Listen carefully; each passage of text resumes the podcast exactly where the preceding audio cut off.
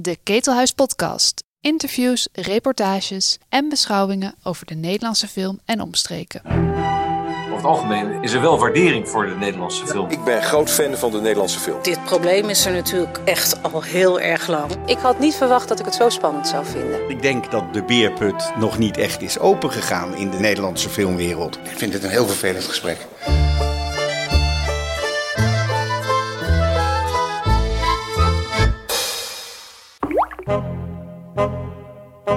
Waarom weten sinds jaar en dag Nederlandse films zo weinig door te dringen tot het filmfestival van Cannes?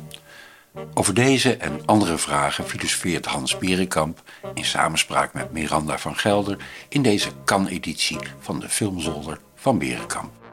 Met speciale aandacht voor de kwik, kwek en kwak van de Vaderlandse cinema.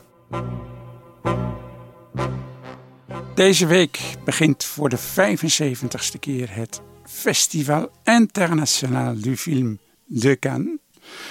De hoogmis voor alle filmliefhebbers in de wereld. En eh, op de zolder van Berenkamp, bij mij in het archief, ontmoet ik Miranda van Gelder, programmeur van het Hoogt. Om samen te kijken naar de positie van de Nederlandse film in Cannes door de eeuwen heen. Dat klopt. Miranda, ehm, jij gaat naar Cannes deze week? Ja. Voor de hoeveelste keer? Voor de allereerste keer. Ah, je, je weet dat het een life-changing experience is. Ja, daar ga ik geheel van uit. Geheel ga ik daarvan uit. Dus het kan alleen maar tegenvallen eigenlijk. Ja, dat is bijna niet voorstelbaar. Oké, dat is goed om te horen. uh, mijn eerste keer was in 1979. Toen kreeg ik... Uh, ach, in een paar dagen tijd achter de kiezen Apocalypse Now, die blechtrommel en Manhattan. En toen dacht ik, dit wil ik de rest van mijn leven. Ja, dat kan ik me goed voorstellen. Dat is ook wel een, hele, een heel goed trio om bij elkaar te hebben, denk ik. Het is, uh, kijk, je hebt natuurlijk gradaties in filmfestivals. En ik denk dat kan toch van alle filmfestivals die belangrijk zijn, nog weer één graadje belangrijker en overweldigender en uh, indrukwekkender is wordt wel genoemd de Olympische Spelen van de film. Om, ook omdat uh, er nergens zoveel mensen komen, zoveel journalisten, zoveel inkopers, zoveel uh, gasten. En het is gewoon, ja, wat er in een jaar gemaakt wordt, is het allerbeste. In principe komt daar aan het daglicht. Ja, ik ben benieuwd hoe jij het gaat ervaren, deze vuurdoop. Nou, ik ook. Ik heb er uitzonderlijk veel zin in. Het was natuurlijk de afgelopen jaren, had ik ook al wel gekund, maar waren natuurlijk hele rare jaren. Dus nu de 75e editie. De line-up is ook alles wat ik me kon wensen. Ik uh, ben uh, ja, heel content tot nu toe. Ik heb uh, hier op zolder liggen het jubileumboek bij het 50ste festival. Dus dat is alweer een beetje verouderd. Ik heb het net even ingekeken inderdaad. Sican Mete Conté. Dat is een overzicht per jaar vanaf 1946 tot uh, 1996. Ze hebben twee keer een jaar overgeslagen. Vandaar dat het niet de 77ste, maar de 75ste is. Mm -hmm.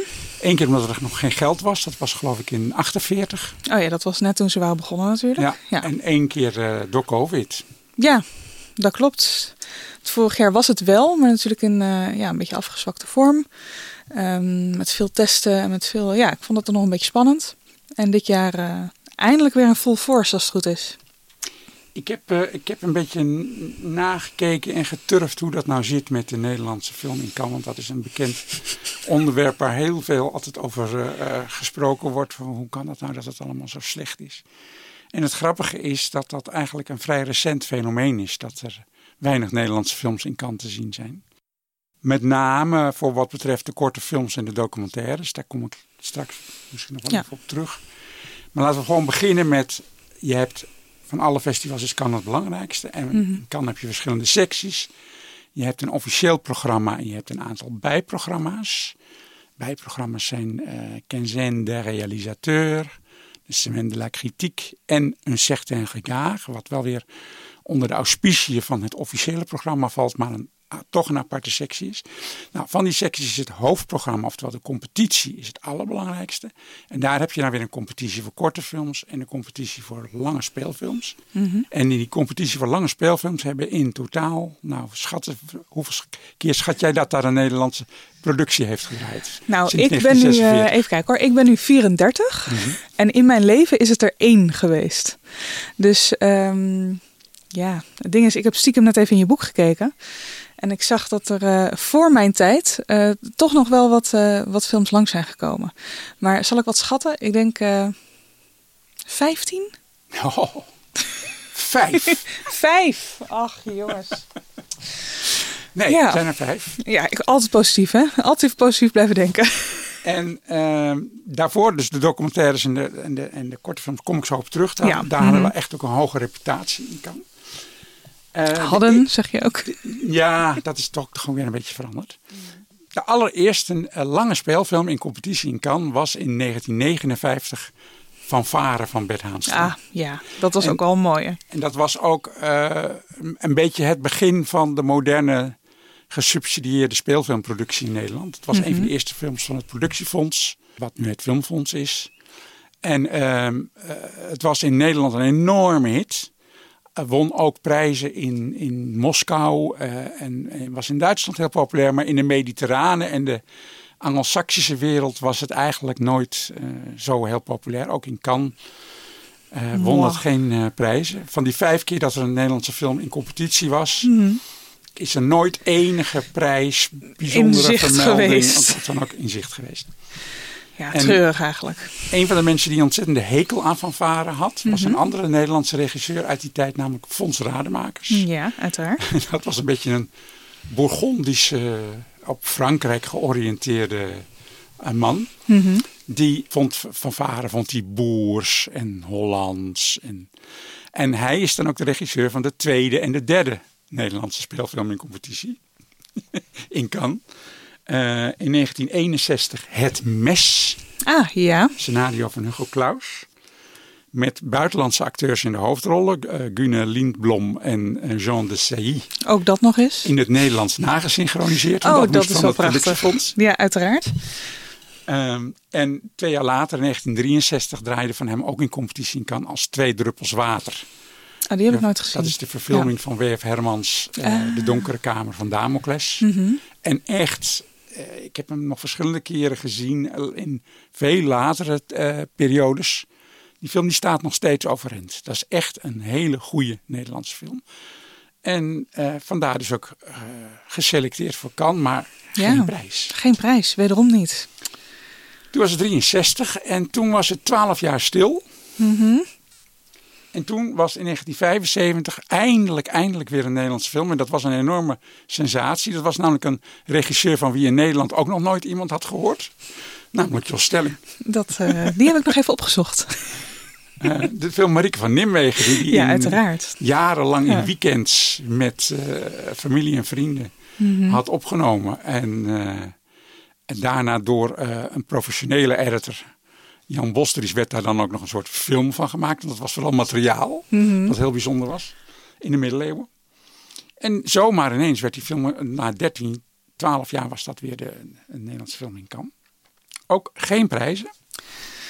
Maar wel bijzonder dus. Heel Dat bijzonder dat zo'n debuutfilm. film, Ja. en dat, dat is dus eigenlijk wel een beetje het verhaal, dat, eh, want daarna heeft het 38 jaar geduurd. hè. ja, is dat in is 1975 bizarre tijd. 2013 dat er een Nederlandse film in competitie was in Cannes. Het was Borgman van Alex van Warmerdam. Ja. Wanneer wordt een film geselecteerd voor Cannes? Als hij bijzonder is, als hij eruit steekt. Als hij iets, eh, ja, als hij niet een gewone gemiddelde romcom of eh, eh, misdaadfilm of relatiecomedie is. Er moet echt iets bijzonders mee aan de hand zijn. Anders kom je gewoon Nee, niet ik snap het. binnen. Ik snap het. En dat hebben we dus al heel lang niet gehad. Nee. Volgens kan. Ja, nou dan krijg je dus even de vraag van eh, hoe zit het dan dat het vroeger wat meer was dan nu? Mhm. Dan moeten we even teruggaan naar de geschiedenis van Kan. heb jij wel eens eh, gehoord of gelezen waarom Kan is opgericht in 46? Wat de achtergrond was en door wie? Nee.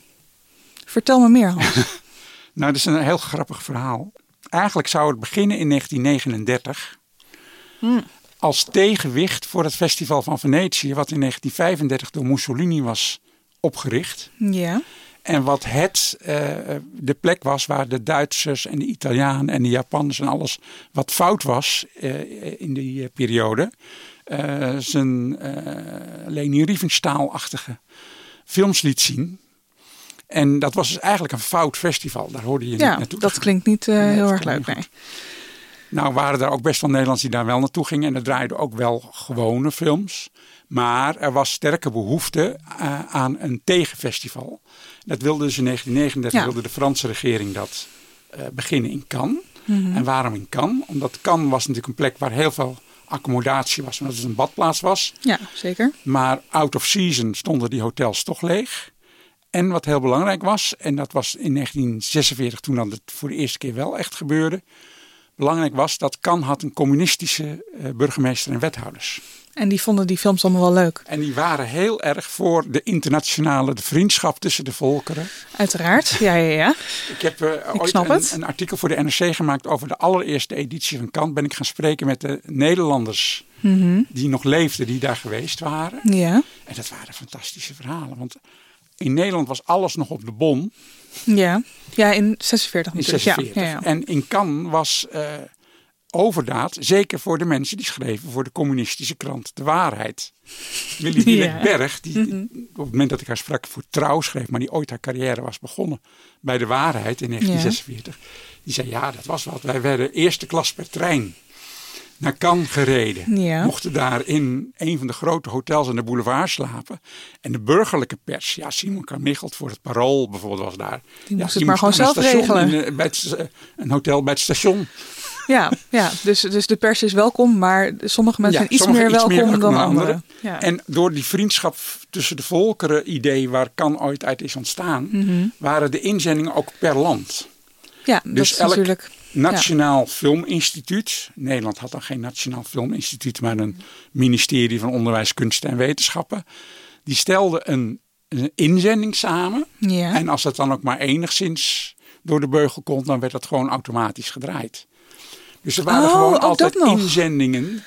En er waren nog niet zo heel veel landen waar films op grote schaal werden Nee, gemaakt. dat is waar natuurlijk. Vooral natuurlijk net na die oorlog. Dat eh, was best wel lastig. Dus het was niet zozeer een hele prestatie om geselecteerd te worden. Het was een prestatie om een prijs te winnen. Ja, je moest gewoon opgestuurd worden. En dan als je een prijs won, dan wist je dat je en wat moois had gemaakt. dat was in de eerste editie. Hadden ze geloof ik 20 prijzen, want elk land kreeg een prijs. Ah, dat is toch wel mooi. Dat is net zoals dat iedereen zijn veterstrikdiploma Ja, krijgt. Ja. Nou, die Nederlandse inzendingen die waren dus Mhm. aanvankelijk waren dat dan vooral documentaires en eh, korte films.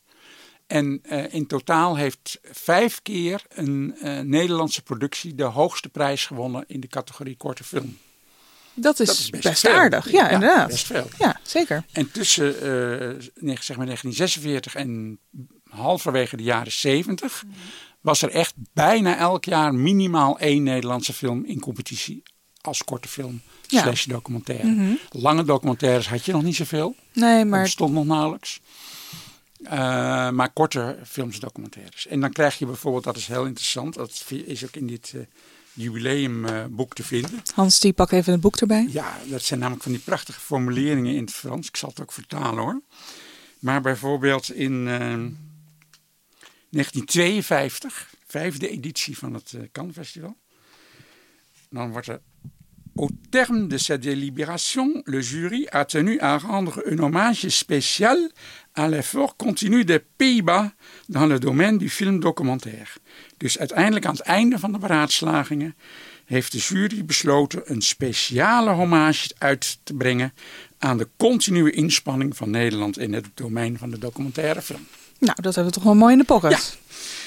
En eh er is ook één Nederlander maar, maar dat is ook echt maar één. Mhm. Als hij nog zou leven, zou hij dat kunnen zeggen. ik heb een gouden palm gewonnen. En dat was, want dat, weet ik niet eens. Eh, kijk, die gouden palm die is eigenlijk in principe voor, voor lange films. Ja, toch? Eh, maar dus, korte films hebben ook een gouden palm. Mhm. Behalve in twee periodes. voor, voor 1956 was er geen gouden palm. Ja. En in de periode eh 63 tot 75 ook niet.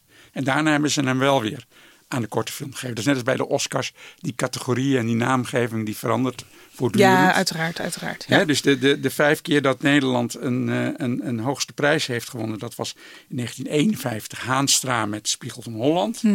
In 1952 Herman van der Horst met eh, Het Schot is te boord.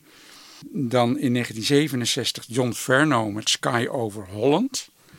Maar dat waren allemaal geen eh, Gouden Palmen. Dat was gewoon grote speciale juryprijs. Dat was een prijs, maar dat was niet per se eh, Maar de de- Gouden Palm natuurlijk. De enige die hem echt heeft gewonnen, de Gouden Palm voor de beste korte film, was in Ja. 1958. Hij had niet eens een Nederlands paspoort op dat moment. Joris Evans. Wat? Voor de film La Seine a rencontré Paris. Een hele poëtische Een Franse, Franse film. documentaire. Dus een prijs voor Frankrijk, maar gewonnen door een Nederlander. Die zijn paspoort was kwijtgeraakt eh, in 1948. En hem eind jaren 80 weer heeft teruggekregen van toenmalige minister Brinkman. Maar ja, op dat moment was hij geen Nederlander. Maar hij is toch Nee. de enige Nederlander die kan zeggen: Ik heb een echte gouden palm gewonnen. Nou, dat is er toch in ieder geval eentje, Hans. Zeker. Nou, en daarna zijn dus die, die, die, die, die korte films zijn nog wel doorgegaan. Eh, er was bijvoorbeeld in 1978 eh, een juryprijs ex equo voor de animatiefilm Oh My Darling van Börje Ring. Eh, de laatste prijs, voor zover ik weet, die is gewonnen voor een, door een korte Nederlandse film, was in 1990 De Slaapkamer, ook een animatiefilm van Maarten Koopman. Mhm. Koopman is altijd wel fijn, ja. En bijvoorbeeld ook in 1992 en 93 achter elkaar twee keer in competitie een korte film van Esther Rots. Ah, ja. Eh, Sorry, 2002 en 2003. Ja, dat is al wat, eh, ja, 2002. wat later. Speel met me en eh, ik ontspruit. Maar daarna haar lange films zijn dan bijvoorbeeld weer niet, Weer niet geselecteerd. geselecteerd. Dus ja, wat is daar nou aan de hand? Dat is een hele goede vraag, Hans. Wat is Ehm. er nou in vredesnaam aan de hand dat er gewoon niks meer van ons die kant op gaat? Kijk, een netwerk is natuurlijk eh, niet verkeerd. Nee, dat denk ik ook niet. En het is niet toevallig dat George Sluizer eh, nog wel eens met zijn, ook met zijn producties van andere regisseurs, die hij dan had geproduceerd met zijn Franse echtgenote Anne Lordon, dat die relatief vaak zijn geselecteerd, omdat die een ingang hadden in Parijs. ja, Ehm, inderdaad. je, je- het is wel handig als je de aandacht van zo'n selectiecommissie weet te trekken. Doordat je bijvoorbeeld goed Frans spreekt en nog wel eens in Parijs langskomt met Dat vinden de Fransen altijd prettig Frans. natuurlijk. Prettig, ja. Zijn we gewoon niet goed genoeg in lobbyen? Nou ja, dat is, dat is heel vaak gezegd. En ik denk dat dat ook wel een rol speelt. Maar dat is niet het hele verhaal. Dat kan niet het hele verhaal zijn, omdat er allerlei films zijn uit landen met zeer beperkte lobbykracht. Ja, die er toch wel komen. Die er wel doorheen komen. Ja. België heeft nu bijvoorbeeld Heeft er drie. dit jaar drie films. Dat is ongelooflijk. Eh, ik weet niet of je, ik, ik weet het van de gebroeders Dardenne, een Ja. nieuwe film. Lucas Dont Lucas heeft een nieuwe Dont film. heeft een nieuwe film. En de nieuwe Felix van Groeningen samen met, eh, met eh, Charlotte van der Meers. Is dat. ja. Ja. Dus dat is een co-productie. En waarom lukt het de Belgen dan wel? Ja, een onverdachte bron in deze Een onverdachte bron. Nou ja, kijk, er, Ja? er zijn natuurlijk altijd mensen die zeggen van ja, die films in, eh, die Nederlandse films zijn niet artistiek genoeg. Ja. En dan, dan, ja, dan krijg je dus altijd weer discussie Discussies van, ja, daarover, ja. is natuurlijk ook een heel snobistische plek. Hè? En dat zijn toch films waar niemand naar wil komen kijken. En, eh, goed, ik ga even terug naar mijn Ja. onverdachte bron. De, iemand die je niet van snobisme kan eh, verdenken. Ja. In de vorige uh, Ketelaars podcast werd René Mioch ook die vraag gesteld. Mhm. Van hoe kun je nou verklaren dat die Nederlandse films het zo slecht doen in, eh, op de internationale festivals. Toen zei hij, eigenzinnigheid is wel heel belangrijk. Dat Mhm. je niet een filmfonds hebt en allerlei commissies die vinden... ja, maar je moet toch meteen een producent zoeken die ook weet hoe je moet marketen. En je moet zoeken naar wat de smaak van het publiek op dat moment wil. En dat zijn allemaal, eh, ja, dat is een beetje wat er nu in Nederland speelt. Je hebt wel een klein aantal buitengewoon artistieke films waar niemand naar komt kijken. Klopt. En je hebt populaire eh, romcoms en andere films die een beetje door de molen van de marketing zijn gehaald. Die dan ja, laten doen wat, wat geacht wordt een publiek leuk te vinden. En dat zijn nou juist de films die het in kan niet goed doen. Nee. Nee. Dus ik denk toch dat zolang wij hi- hier films maken die, eh, ja, waarbij de Nederlandse markt voortdurend als een soort eh, mantra wordt afgedraaid van ja, moet je wel aan voldoen hoor. Dat het, je moet wel bezoekers, bums en seats halen. Ja, en misschien heeft daarom Borgman wel gewerkt. Omdat Alex van Warmerdam een dusdanig grote naam is. Dat hij heeft gezegd, ik wil gewoon dit maken. Ja. En dat, uh, dat is gelukt. En dat dat wel wordt geselecteerd. Met een best wel hoog production value. Ja. Waarbij hij natuurlijk ook dat hele huis van heeft gebouwd. Ja. Uh, het echt helemaal naar zijn hand heeft gezet. Wat dan ook goed aanslaat. Kijk, ik, ik denk dat, dat in de hele internationale film, artistieke filmwereld, maar zeker in kan ook, geldt dat films zo authentiek en eigenzinnig mogelijk moeten zijn. Ja. En bijvoorbeeld, om eens wat te noemen, de taalkwestie. Mm -hmm. Er is heel lang het idee geweest, ja, als je een film wil maken voor het internationaal publiek, dan moet die Engelstalig zijn, want anders Ja, mensen het Ja. niet. Nou, dat blijkt dus onzin te zijn, want Nee, eh, je kan het ook in Deens doen, of in het eh, IJslands, of in het Bosnisch. Dat is niet Dat van maakt- doorslaggevend nee. belang. Dat maakt verder niet zoveel uit. Ik denk ook dat iets wat je ehm, maakt wat authentiek is, ook het beste werkt in de, de eigen taal, de moedertaal van de acteurs onder andere. Ja. Nou, dus wat dat betreft is ook eh, Alex van Warmerdam natuurlijk een, een beetje een witte raaf in, in Nederland. Kijk, er hebben wel eens wel een paar films van Paul Verhoeven hebben gedraaid in Cannes. Maar dat waren dan geen Nederlandse producties. Nee, dat is een beetje. We zijn wel heel goed. Dat heb ik ook wel van afgelopen jaren meegekregen. ehm, dat we heel goed zijn in Nederlandse haakjes vinden. Waardoor het dan toch in een nieuwsartikel lijkt alsof er Nederlandse films draaien op, eh, op kan. Maar meestal is dat gewoon niet het geval. Inderdaad, Paul Verhoeven. Maar eh, vorig jaar heeft ook eh, die film met Gijs Naber Ja. wat gedraaid daar. En ja, dat wordt dan groot uitgemeten in de media. Maar eigenlijk is dat stiekem helemaal geen Nederlandse film. Nou, je ziet natuurlijk in de, in de kranten en andere media dat er eh, kan, leeft zo weinig bij het Nederlandse publiek. Dat je moet er dan maar iets aan verzinnen van nee, de rode loper is heel belangrijk in kan. Ja. En ik moet zeggen, dat is de eerste keer dat je, als je daar nu heen gaat, Mhm. zou ik je zeker aanraden om een keer aan de kant van die rode loper te gaan staan en gewoon te kijken wat er langskomt. In 79 zag ik, ik werd helemaal, trok helemaal wit weg. Vlak voor mij op de rode loper liep Lauren Bacall aan de arm Oh. van Yves Montand. En toen dacht ik, ja, Goeie oude tijden. ja. Dat, dat, dat was echt op aanraakafstand, zou ik maar Ja. zeggen.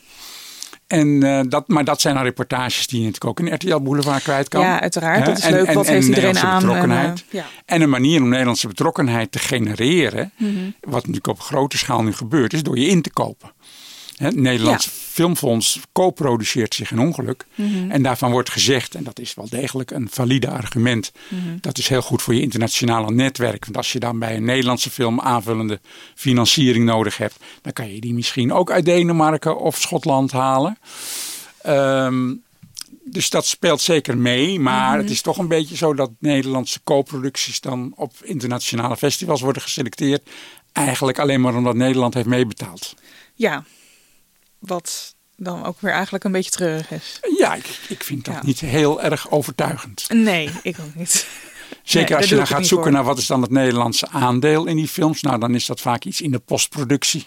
Ja, Oh? Of eh, niet, wil niet zeggen dat postproductie niet belangrijk is, maar ja, het is niet iets wat erg in het oog springt voor de gemiddelde, eh, zelfs geïnteresseerde filmkijker. nee, we hebben het de afgelopen jaren natuurlijk gehad met eh Koivadis Aida. Ja. Wat een, eigenlijk een Bosnische film is natuurlijk. Waar dan eh, best wel wat eh, Nederlandse eh, media ook op is gesprongen. Omdat ze vonden dat het een Nederlandse film was. Wat het heeft een Nederlands onderwerp. ja, het, heeft een Nederlands onderwerp, maar het is niet een Nederlandse film. Nee, maar het, is, Nee. het gaat wel over het falen Ja, van Nederland in Ja. Srebrenica. Ja. En, en ja, daar, daar was wel ooit een tv-serie over gemaakt, de Enclave, en een paar Mhm. tv-programma's, maar nog nooit echt een grote speelfilm. Nee, klopt. Dus daar, in dat opzicht was het voor Nederland natuurlijk een heel belangrijk eh, eh, evenement. Ja, maar ik vond ook wel dat het veel naar Nederland toe werd getrokken. Van, oh kijk wat een mooie film we hebben gemaakt. Terwijl dat gewoon een Bosnische productie was. Ja. En dat zie je natuurlijk ook de laatste jaren na. Dat, dat nou ja, Paul Verhoeven, als hij een film heeft op kan, dat iedereen denkt, oh leuk, Nederlandse film op kan. Terwijl we dat eh, nou ja, eigenlijk gewoon niet kunnen claimen. Zo Nee. simpel is het. Het Nou. is gewoon een treurige aangelegenheid. Ja, maar goed, het, het- het- als de, ooit de, de, de zeilen worden verzet. Iemand als Frans van Gestel van Topkapi Film. eh, die zegt bijna elk interview wat met hem wordt gehouden, zegt hij eh, dat het hoogste wat je kunt bereiken is dat jouw film in competitie in kan draait. Ja. En dat is ook nog steeds waar hij ontzettend op hoopt Naar dat ooit een keer te ja. bereiken. En dan hoeft hij nog niet eens een prijs te winnen. Gewoon een die, dat is de oké. zesde film die ooit in, eh, in competitie in, eh, in Cannes eh, gedraaid heeft. Nee, dan sta je al onderaan een heel mooi netjes lijstje. Ja, Ja. zeker. Dus misschien dat dat dan toch een keer gaat lukken als het filmfonds ook wat meer lef toont in het eh, dure producties ondersteunen met, die niet in eerste instantie bedoeld zijn voor een zo breed mogelijk Nederlands publiek. Nee, dat is het. Dat is het. Je moet vertrouwen hebben in die eigenzinnigheid van makers. En ik hoop dat daar echt wat meer eh, ruimte voor komt. Want ik denk ook dat dat door, kan doorgaan schemeren inderdaad in, eh, in grotere filmfestivals ook. Nou is er een leuk lijstje te maken ook van, daar heb ik ook nog even naar gekeken, maar lang niet compleet ge- gemaakt hoor. Maar van Nederlandse films in nevensecties die dan wel hebben gedraaid. En dat zijn allemaal, ja, dat zijn dan precies dat soort eigenzinnige films. Bijvoorbeeld in 1979 waren er twee films in de Kenzen. eh, opname van Erik van Zuilen met het Werktheater. En Tiro van Jacob Bijl, een regisseur Ah, ja, ja, van wie je misschien nog nooit gehoord hebt. Ik heb die film wel gezien. Ah, je hebt. Tiro gezien. Kijk. Ja, wel echt lang geleden. Maar ik weet nog wel dat ik die heb gezien. Geproduceerd door George Sluizers. Mhm. Dus daar gaan we. Die waren allebei geselecteerd. En in 1988 bijvoorbeeld Ei van Daniel Daniel. Mhm. Dat was dan een film van 59 minuten of 60 minuten. Oh ja, en dat seconde of zo, net grensgeval. Eh, erg mooie film. En, en ook eh, heel leuk dat hij dan eh, was geselecteerd. En ik heb nog een prachtige anekdote. Dat is echt zo leuk. Een Dat is prachtige zoveel zegt anekdote. over Cannes en de Nederlandse film.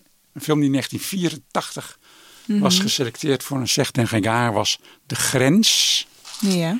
Regie en scenario Leon de Winter. ja. Ooit iets van gehoord of gezien die film? Van de film wel en van de schrijver natuurlijk ook. Ja. Je hebt de film niet gezien. Ik heb de film niet gezien. Nou, een van de redenen dat hij was geselecteerd was dat er een nogal uitgebreide cast van toen fameuze sterren voor de internationale artfilm in zaten. Mhm. Eh, Angela Winkler, eh, Hector Alterio, eh, wie zat er nog meer in? Johan Leijsen, André Dussolier. Het was een soort film die zich afspeelde in heel Europa. Een deel in Portugal, een deel in Duitsland, een deel in Nederland. Heel internationaal. Heel internationaal, dus dat helpt dan. Ja, zeker. En het, was, het ging over het, toen was het een belangrijk thema, het, het terrorisme van de, de RAF en aanverwante linksradicale groeperingen. Mhm. En het was echt een thriller. Het was niet heel erg goed, maar het had wel een soort van allure. Ja. Nou, en het interessante aan die film was dat het was een productie van de eerste Amsterdamse filmassociatie van 1980. Ja. Het was een deftig gezelschap van drie jongens die ontzettend graag de wereld wilden veroveren. Leon de Winter, René Segers en Jean van der Velde. Ze waren overal, ook op internationale festivals, altijd aanwezig en probeerden dan daar voet aan de grond te krijgen. En Wel echt goed te lobbyen. goed te lobbyen. Ze hadden een bijnaam in de Nederlandse pers, omdat ze altijd met z'n drieën waren. Dat eh, was Kwik, Kwek en Kwak. omdat ze ook net als Pim La Parra en Wim Verstappen een heel goed verhaal altijd hadden waarin ze hun films verkochten. Nou, en deze film was dus een productie van de eerste Amsterdamse Filmassociatie, geregisseerd en geschreven door Leon de Winter. Een van de weinige Nederlandse acteurs in de film was Linda van Dijk.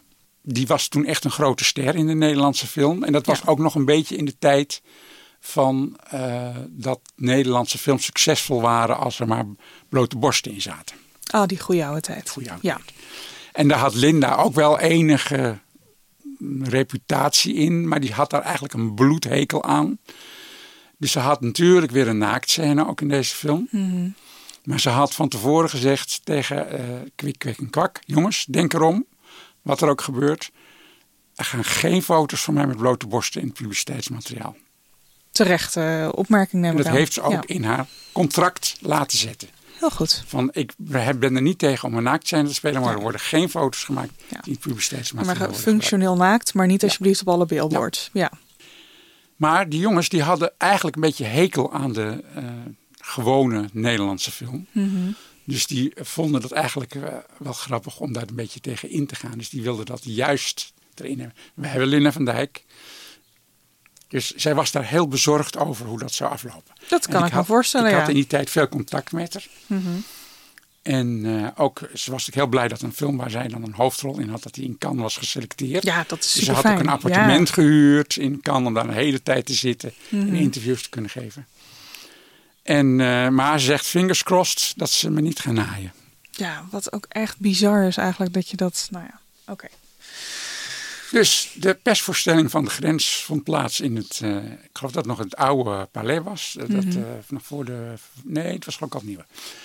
En onderaan de trap, voordat je dan je kaartjes moet laten zien in je tas moet laten, dan heb je dan nog een stukje trap van je zo naar binnen. En daar onderaan de voet van de trap stonden René Segers en Leon de Winter flyers uit te delen van de film. Met mm -hmm. voorop een full frontal nudity shot van Linda van Dijk. Klootzakken. Ja, dat is toch niet oké? Okay? Heb je het verdomme in je contract moeten laten zetten ook nog? Dus ik dacht wel, hier valt journalistiek wat te halen. Ja, dat ook wel weer natuurlijk. Maar ja, hè? Dus ik had, uh, dat was ook nog heel raar. Je had vroeger in kan, je had nog geen mobiele telefoons in 1984. Mm -hmm. Dus als je iemand zocht, dan was dat heel lastig om iemand te vinden. Ja. Je moest dan de hele tijd over die boulevard heen en weer lopen, de croisette, om op te kijken of je er misschien tegenkwam. Of je moest s morgens vroeg moest je mensen in hun appartement bellen voordat ze de deur uit gingen. Ja, dat was de enige manier om ze te pakken. Mhm. Dus ik wilde graag commentaar van Linda. Van weet je al, uh, ja. en wat ga je daar wat, nu aan doen? Wat ze hebben geflikt. Dus ik s'morgens vroeg bellen naar het telefoonnummer wat ik had van het appartement van Linda. Hmm. Wordt de telefoon opgenomen door Jean van der Velde. Met de woorden, dit is niet wat jij denkt. wat is het dan wel, Jean? Leg het me uit. Ik zeg, god, uh, ja, nou, er is een beetje een, een raar geval. Um, ik had die jongens dus ook gevraagd, uh, René en de, de andere, mm. dus Kwik Kwek en Kwak zat en bij Kwak, Linda. Die zat bij Linda, ja. Kwik Kwek van wat is dit? Dit Ja. was toch volgens Niet mij was een afspraak. ja. Ja, dat is een fout gemaakt bij de drukker. Ze hebben de verkeerde proeven gepakt. En ja, geen actieve herinnering. Geen actieve, dat is het. Geen actieve herinnering meer aan dat we je blote borstel op een flyer hebben gedrukt. Dat gelooft natuurlijk niemand. Dus ehm, ja, zei Jean, nee, ik ben hier even bij Lin. Het is niet wat je denkt. We zijn al in druk en overleg. En dit is natuurlijk niet zoals het, eh, zoals het hoort. En er is iets fout gegaan. En eh, nee, we zijn aan het praten. Hoe het precies afgelopen is, weet ik niet. Ik heb die folder nooit meer gezien. Nou, dat is in ieder geval fijn voor Linda. Ja. En ehm, vrij snel daarna is Jean van der Velde uit de Eerste Amsterdamse Filmassociatie gestapt. Mhm. En een eigen carrière begonnen. En is die hele productiemaatschappij ook min of meer opgedoekt. Ja, Ik geloof dat Leon en René nog wel even zijn doorgegaan. dat ze misschien daar toch eh, regie over hebben gehad. Ja, nou ik denk dat er al van alles speelde. Dat ook. Misschien een drupper die de Dit emmer zijn deed nou van eh, die dingen die dan in zo'n snelkookpan, wat kan natuurlijk is. Heel vaak zijn conflicten en problemen zijn in kan dan eh, komen tot een... eh Ja, er is natuurlijk ontlading. altijd reuring. is altijd druk. En er is altijd ophef. Ja. Ja, dat, eh, dat Ik herinner me het jaar dat was ook in Cannes werd bekend dat alle eh, theaters die nu Pathé heten, maar toen nog Tuschinski heten. eh Tuschinski City en eh eh, Meerburg theaters waren overgenomen door Menachem Golan van Canon. ja. En gingen eh, heten. Mhm. En eh, ja, Menachem Golan was ook in Cannes. Dus ik moest natuurlijk als journalistiek daar ook meteen met op hem, op, Zeker. op hem af. En het idee was, er is nu een hele gore exploitatieregisseur, producent die hele goedkope films maakt. En die heeft al die mooie Nederlandse bioscopen gekocht. En ik wist dat Golan inderdaad een, een beetje een scharrelaar was. Maar wel met het hart op de juiste plaats. En iemand die ontzettend zijn best deed om eh bioscopen goed te laten lopen. Ik wist dat hij in Israël bijvoorbeeld heel veel bioscopen echt buitengewoon goed had laten draaien. Dus ik had hem geïnterviewd en ik had daar een beetje een genuanceerd verhaal van gemaakt. ja, inderdaad. Gaf de burger weer een beetje moed. Nou, van de burger een beetje Ja. moed. En ik denk, ja, als iedereen zich zo tegen iemand keert, dan heb ik altijd een te denken, zit er ook nog een andere kant aan. Maar helaas, helaas, helaas, nog tijdens kan werd me duidelijk dat ik het toch verkeerd had ingeschat. Oeh. Want ik kom Menachem Golan tegen op de terugreis op het vliegveld van Nice. En hij herkende mij, hij kwam naar me toe met een grote pot met honing. En zei, thank you for your sweet talk. Oh, dacht nee, dat doet wel pijn. toch niet oké. Dat is niet goed. Dat is niet goed. Oh, Dus het is, het is de plek waar reputaties worden geboren en ook gemaakt. En waar mensen onder extreme omstandigheden natuurlijk altijd eh, ja, op de proef worden gesteld, zou ik maar zeggen. En waardoor dingen dan naar buiten komen. Dat, dat is heel spannend. Nou ja, en- dit jaar verwacht Ja, ik weet, nou ja, wat nu krijgt het Festival Rotterdam gaat zijn nieuwe plannen presenteren in Cannes. daar heb ik wel zin in. Ik weet niet waar dat is, maar... eh, Nou, er zal een persconferentie, wat dan ook zijn. En, en, en ja, ze doen het natuurlijk om een beetje uit de luwte te zijn van de Nederlandse ophef die je kan verwachten. ja, die nu al een beetje gaande is Maar natuurlijk. er is ook internationale ophef. En ik denk dat, eh, ze, het, eh, dat ze wel wat kunnen verwachten daarin eh, bij die presentatie. Dat denk ik zeker. Ik weet niet of daar een applausje uitkomt. Maar dat is dan ook weer grappig dat, dat je dat dan juist daar doet. Dat is allemaal Ja, geen toeval. Voor optimaal publiciteit, ophef en resultaat moet je daar wezen. moet je naar kan. Nou, wat ook heel leuk is, kan ik je aanraden, is om de markt te bezoeken. Mhm. Je hebt natuurlijk de marché du film, waar ook films draaien. Maar je hebt ook, ehm, ik weet niet of dat nog steeds zo is hoor, maar in de kelder werden dan ook vroeger video, daarna dvd's. En nu zullen het Ja, streamers steeds. zijn. eh, streamers. Porno, de strekkende meter. Wordt Oh, kijk. Oh, dat is altijd En dat is gewoon leuk. een soort huishoudbeurs. Ja. Of een, autobeurs, zal ik maar, Maar dan zeggen. voor porno? Maar dan voor, Ja. voor porno of eh Filipijnse karatefilms. En, ehm, Gewoon echt een beetje smut. Ja, een beetje smut. Een beetje slash. en dat, een is beetje... het, dat, dat heb ik altijd het aantrekkelijke gevonden van Kan. Het is het allerhoogste wat je van de filmkunst kunt verwachten. Ja. En het is de allersmerigste smut. en dat loopt dwars door elkaar heen. Maar dat is toch ook een prachtige combinatie. Ja, dat is het moet er allebei leuk. bestaan. Het moet allebei bestaan, denk ik. Ja. Dat eh, denk ik zeker. Ik eh, wilde nog één dingetje met jou bespreken. Want ik las laatst een interview. En dat was een interview met eh, Vincent eh, Tilanus.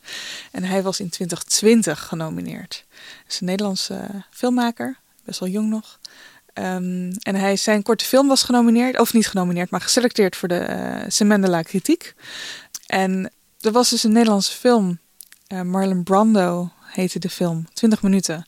Dat was een, Nederland, dat was een Nederlandse film op Cannes in 2020. Maar die jongen is natuurlijk nooit geweest. Dus zijn film zou daar draaien. Heeft online wel wat gedraaid. Maar eh, dat was het. Hij is er verder ook nooit geweest. Hij heeft geen uitnodiging meer gekregen voor Wat een 2021. treurigheid. Ja, en het was echt een. Ik heb hem gezien, want hij is later ook nog geselecteerd voor het Nederlands Filmfestival. En het was echt een hele mooie, eigenzinnige film ook weer. eh, over eh, twee queer jongeren die. Ja, die eigenlijk een zomer samen beleven en eh, nou ja, een beetje achter, eh, achter zichzelf moeten komen en Mhm. hoe het allemaal werkt. Coming En, of ehm, age. Ja, coming of age. Waar er nu natuurlijk ook best wel weer wat Mhm. eh, van in zitten in de, in de echte competitie. Want volgens mij is zowel Close van Lucas Dont als de nieuwe film dus van Felix van Groeningen gaat daar ook over. Mhm. Over vriendschappen, over hoe je, hoe je ouder wordt. Dus, dus we hebben wel wat, maar Mhm. deze viel net tussen de Nou, dat is natuurlijk verschrikkelijk. wal en het schip. Ja. En ehm, ik las dat en ik dacht, ach, moeten we daar nog niet iets mee? Nou ja, dat zou natuurlijk wel leuk zijn, ja. ja. Om die film ook nog wat, wat meer bekendheid te geven. Want het is in Nederland dus totaal onopgemerkt gebleven dat die film geselecteerd was. Ja, dus daarna op het Nederlands Filmfestival nog wel gedraaid, maar dat was het. En ik moest zelf ook heel erg diep graven. Want ik had, ehm, ik had hem dus wel gezien, maar toen ging ik terugdenken, dacht ik, ach ja, die jongen die was ook nog geselecteerd voor Cannes. Ongelooflijk. Het grappige is, ik ben Maar ja. één keer eerder een dergelijk geval tegengekomen met een Nederlandse film. Mhm. Eh, en dat was het festival van 1968. Ik weet niet of je dat verhaal kent. Dat was het revolutiejaar, mei 68. Oh ja, Viel ja, ik ja. samen met Cannes. Ja, En dat festival is halverwege afgebroken. dat is ook ophef. Ja, zeker.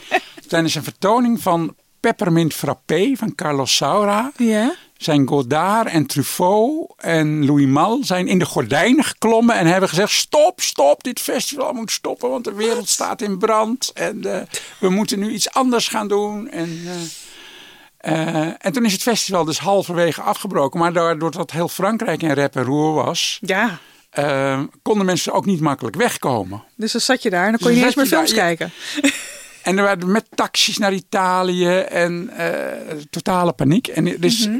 was één, eh, dat is ook wel weer een leuke anekdote. Er was één Nederlandse korte film geselecteerd, die dus ook daar niet heeft gedraaid. Toccata van Herman van der Horst. Ja, ik zag veel Herman van der Horst Ja, Herman van der Horst heeft echt heel veel Ja. eh, films daar gehad, bijna alles. En ook een- hoofdprijs gewonnen voor Houden Zo in 1951, Mhm. meen ik. Maar Herman van der Horst was dus voor de, de jonge garde van ook de Nederlandse eh, Nouvelle. Ja. Was die dus echt, dat was de, de vijand. Hè? Dat was net als Haanstra, dat was cinema de papa. En er was weinig om je tegen af te zetten in Nederland. Er was bijna niks. Nee, dat is maar Herman van der Horst was een beetje een, ik zou maar zeggen, een soort eh, artistieke verschijning met een flambard, met zo'n baret. Oh, en, heerlijk. En een, en een vlinderdasje. Mhm. En dat was dus, ja, dat, dat was een lap op een rode stier voor, eh, voor eh, de, de, de Pim en Wims en de, en de Jan Blokkers. Ik had hem nog even gegoogeld inderdaad. En als je dan eh, een foto van hem naar voren ziet, is het echt klassiek, een klassieke foto van een regisseur. Ik weet niet, ik vond het eh, heel erg En mooi. er is een verhaal dat in 1968, die film was dus niet geselecteerd en is in 1969 alsnog vertoond Mhm. in, in eh, het officiële programma. Maar toen die paniek uitbrak en iedereen wilde hals over kop kan verlaten, Ja. toen is er verhaal dat eh, Peter van Buren en Jan Blokker hadden samen een auto weten te regelen. Ja. Waarmee ze eh, kan ontkwamen in de richting van Zwitserland. En terwijl ze de stad uitrijden, zagen ze daar Herman van der Horst met flambard staan liften. Het is een topverhaal dit. En schijnt, dus schijnt Jan Blokker te hebben geroepen: gas! Snel doorrijden. Ah. Zou dit waar zijn? Nou ja, het is een van die verhalen zoals over kan natuurlijk altijd heb je van die, van die sterke verhalen. Ja, zeker, zeker, zeker. Oh, Als het niet waar is, dan is het in ieder geval iets wat, ze- wat aangeeft hoe de verhoudingen toen lagen. Ja, zeker, zeker. Maar het is wel leuk. Er zijn de laatste tijd, vol- vorig jaar bijvoorbeeld, met, ehm, is ook nog van Herman van der Horst via Lobby nog een keer teruggekeerd. In de bioscoop bij ons ook inderdaad met eh Katie Kotti. Dus het is wel leuk om, eh, om te zien dat dat nu ook weer wat aandacht krijgt. Dat we daar ook weer eh, terug naar gaan kijken. Ja, nou, het, het, het, is absoluut grote filmkunst. Ja, zeker. Maar dat is ook tegelijkertijd het probleem. Je hebt voortdurend het gevoel dat je naar grote filmkunst zit te kijken. En sinds de Nouvelle Vaak willen wij dat het ook een beetje ja, natuurlijk en, en, en eh, niet alleen maar kunstmatig is. Mhm. En eh, ja, kijk, daar was Nederland natuurlijk heel erg goed in. Hè? In die documentaire school. Ja, die- zeker, die, zeker. die een soort kunst wist, te maken van nou, Spiegel van Holland, die dan een, een Mhm. grote prijs van Van Haans had. Dat is een film over, over spiegelingen in het water van huizen en bomen. Ja. En ja, dat is natuurlijk pure filmpoëzie. Maar Ja, het is tegelijkertijd, prachtig om naar te ja, het is heel mooi, maar Ja. het, is, ja, het is ook heel ouderwets. Het is ook niet heel toegankelijk meer. Nou, het is, het is gepasseerd door de tijd. Die Ja. dit soort beeldrijm en zo niet meer accepteert als... eh, eh, maar het blijft goed. Ja, zeker. Zeker. Nou, ik wens je ontzettend veel plezier in Cannes. Ik denk of ik je nog een paar leuke tips kan eh, meegeven. Ja, Hans. Kijk, dus, dus de porno in de kelder. In, ja, nou ja, en, dat, in eh, datzelfde kader. Ja. Loop eens s'nachts, als je toch ergens iets te laat eh, nog eh, hebt zitten drinken. Uiteraard. Dan, ik weet niet waar je, waar je logeert. Ja, volgens mij op 10 minuutjes wandelen. Nou, Dus, loop eens dan in je wandeling naar je huis langs de achterkant van de Grand Hotel, zo om een uur of één s'nachts. Ja. Als de vuilnis van alle diners is buitengezet. Ja, Ratten. Heel En veel niet ratten. één en niet twee, maar heel veel ratten. Oké, misschien. Ik weet niet zeker of ik deze tip ook meeneem. Maar Maar dankjewel het voor de waarschuwing. Het, het geeft precies aan wat kan is. Ja, aan de dat is het voorkant is het, natuurlijk een en al caviar en kreeft en champagne. Zeker. En aan de andere kant doen de ratten zich te goed. Ja, zoals het gaat in het leven. Zoals dat gaat in het leven. Ja. Veel plezier. Heel erg bedankt, Hans. Tot zover deze Ketelhuis podcast. Je vindt de Ketelhuis podcast in je favoriete podcast app en natuurlijk op onze website ketelhuis.nl slash podcast. Abonneer je vooral zodat je geen enkele aflevering mist en leuk als je een reactie achterlaat. Hou ons in de gaten, we zijn snel weer terug met een nieuwe podcast.